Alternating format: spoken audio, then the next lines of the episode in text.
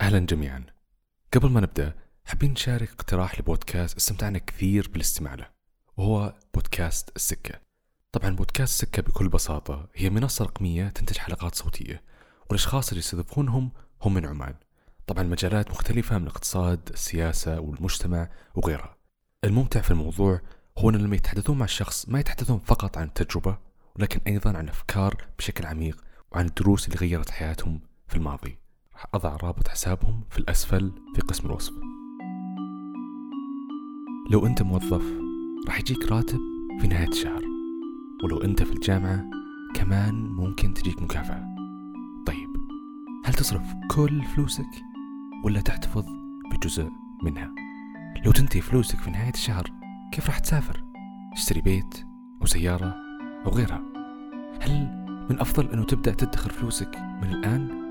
ولا بعدين. خلونا نبدأ.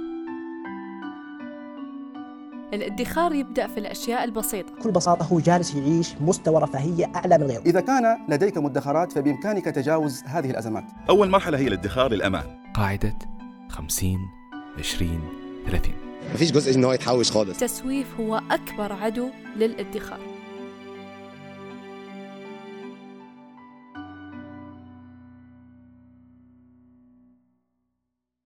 ليش مهم إني أدخر؟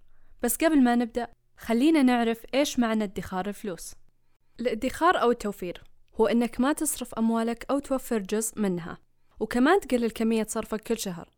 الادخار تعريفه هو الاستغناء إن صح التعبير عن الاستهلاك آه، لمتطلبات معينة. قد تكون أساسية قد تكون آه، كمالية وهي بالذات كماليات إلى إنفاق مستقبلي وبالتالي تجنيب جزء من الإنفاق الاست- نعم. الاستهلاك إن صح التعبير. وطبعا الدخل بنهاية الأمر إلى يعني استهلاك مستقبلي. نعم. قد يكون أكثر حاجة من الاستهلاك آه، الحاضر. وفي طرق كثير عشان تدخر فيها مثل إننا نحط فلوسنا بحساب بالبنك أو الطريقة التقليدية الحصالة. وفي من الطرق كمان استخدام الكوبونات لما تشتري واللي بدأت من عام 1870 بس في السابق ما كان في بنوك أو كوبونات. كان همهم الرئيسي إن الفلوس ما تنسرق. في منهم اللي كانوا يحطوا فلوس داخل السجادة وفي منهم اللي كانوا أكثر تقليدية ويستخدموا الحصالة وهي كانت مجرد صندوق مغلق. وكثرت هالحركة في القرن الخامس عشر في أوروبا لما كانوا العاملين يحفظوا أموالهم في علب وقوارير وفخار تكون قابلة للكسر عشان يوم يحتاجوها للطوارئ. وفي كمان صندوق الكنز اللي كنا نشوفه بالأفلام كان موجود في الواقع. ومن الحوادث التاريخية أن في عام 1992 مزارع في بريطانيا لقى كنز مدفون بالمزرعة اللي يملكها. ولقى بالصندوق مجوهرات وقطع معدنية من الذهب والنحاس والفضة. وفي اللي كانوا يحولوا الفلوس عشان تصير على شكل سبايك ذهب اللي لليوم موجودة ومستخدمة. وفي الناس اللي كانت طرقهم غريبة وكانوا يحطوها في الجدران والأرضيات. في عام 2011 أعلنت ABC News عن شخص اسمه جوش فيرن شرى بيت جديد ولقى 45 ألف دولار في أرضيات البيت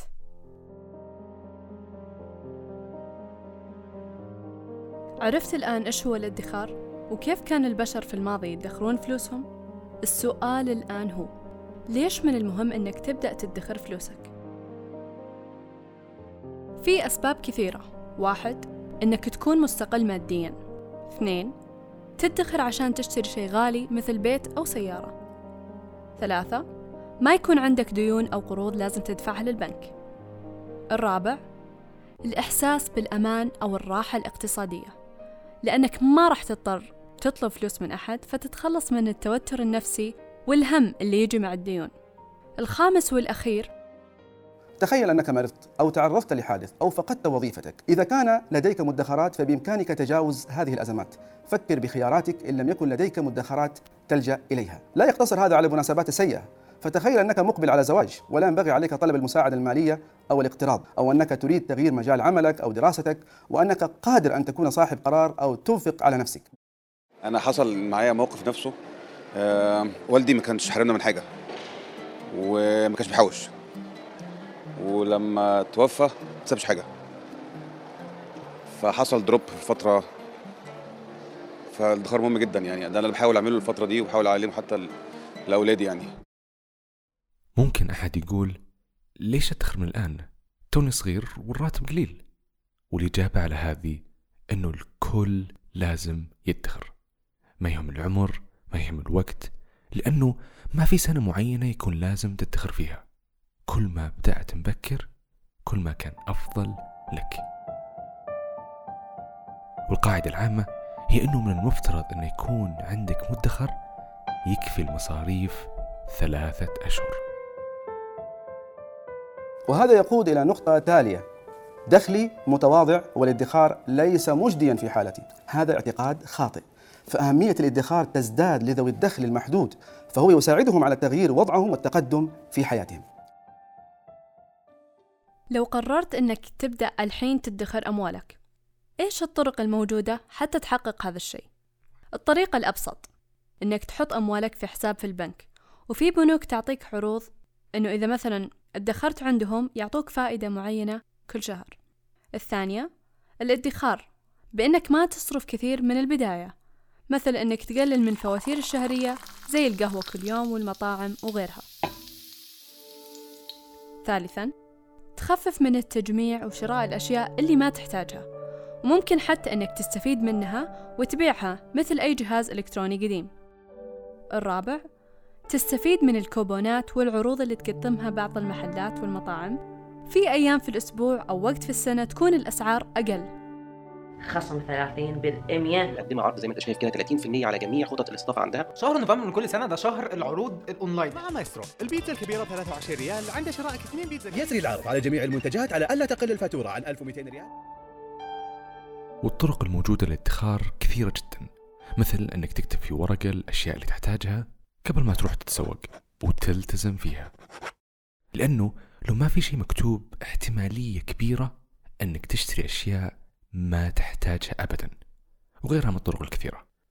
بس في طريقة جديدة ولها صدى كبير وهي تسمى قاعدة 50 20 30 بكل بساطة أن لما ينزل الراتب أو المكافأة 50% منها تصرف على الأشياء الأساسية اللي ما حد يختلف عليها مثل بنزين فاتورة الجوال الأدوية أو غيرها. و20% منها تحفظها كمدخرات المستقبل و30% منها تستخدمها للأشياء اللي تبيها خلال الشهر مثل تتسوق أو طلعة في إجازة الأسبوع. وفي أشياء عامة زيادة مثلا أن نقرأ أكثر عن كيفية الادخار ونشوف إيش الطريقة اللي تناسبنا أكثر أو ناخذ معانا الغداء والعشاء من البيت لو كنا نقضي وقت طويل برا. شوف الادخار حاجة تكون مستمرة معاك وعلى مستويات مختلفة. أول مرحلة هي الادخار للأمان عشان تكون مستعد لأي طارئ لا قدر الله.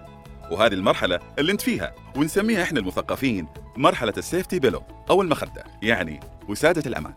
المستوى الثاني هو الادخار للاستقرار يعني لأساسيات الحياة المريحة والمستقرة مثل أثاث جديد والسيارة وبيت ملك وغيرها. وبعد كذا راح يبقى الادخار مستمر معك لكن لأشياء رفاهية مثل السفر والكماليات. أكيد سمعت قصص كثيرة سواء من أصحابك أو أحد من أهلك حاول يدخر فلوسه بس ما قدر. ووقف بعد فترة قصيرة. طيب ليش الادخار يعتبر صعب تطبيقه؟ السبب هو أن كثير من الناس ما يدخر أكثر من عشرة بالمية لأنه يصرف بشكل مستمر على أشياء غير ضرورية من غير خطة واضحة بناء على راتبه الشهري. اولا مبدئيا هو في جزء للسجاير. وجزء تاني كده اللي هو للمصاريف اليومية. مفيش جزء إن هو يتحوش خالص. أنا النهارده أحوش إيه؟ عشان خاطري هو الدلوقتي اللي جاي على قد اللي راح. المرتب يا دوبك أكل وشرب ولو في سجاير أو في حاجات ترفيهية. كمان ممكن أن الشخص ما يكون عنده هدف مالي وهذا من أكبر الأسباب اللي تخلي الشخص ينفق ولا يدخر. لأن ما في هدف مالي يبي يوصل له. فيقول ليش أدخر أصلا؟ أيضا أن الشخص ما يتحكم برغباته وبالتالي يصرف على كل شيء يبغاه بنفس اللحظة.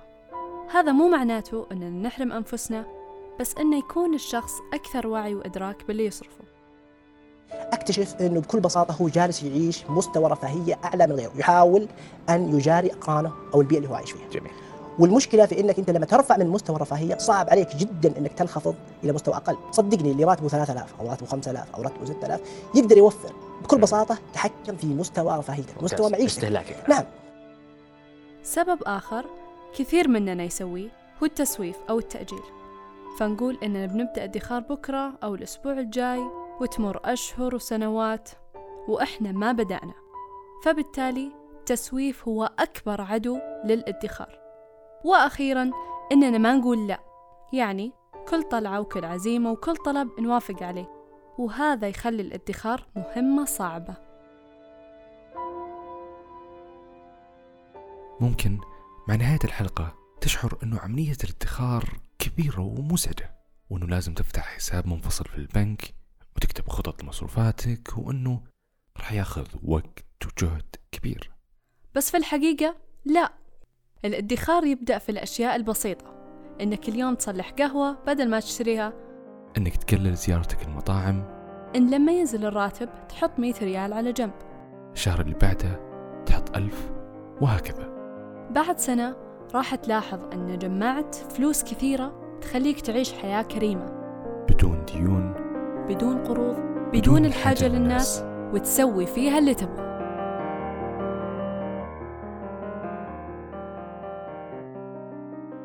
تم تسجيل هذه الحلقة وإعداد محتواها من قبل فرح الشمري. بإمكانكم تلقون مقالات مقاطع وكمان انفوجرافيك عملناها على الادخار على موقعنا وكمان حساب محتوايز على تويتر. راح نضع رابطة في الأسفل. كان معكم خالد القنيعه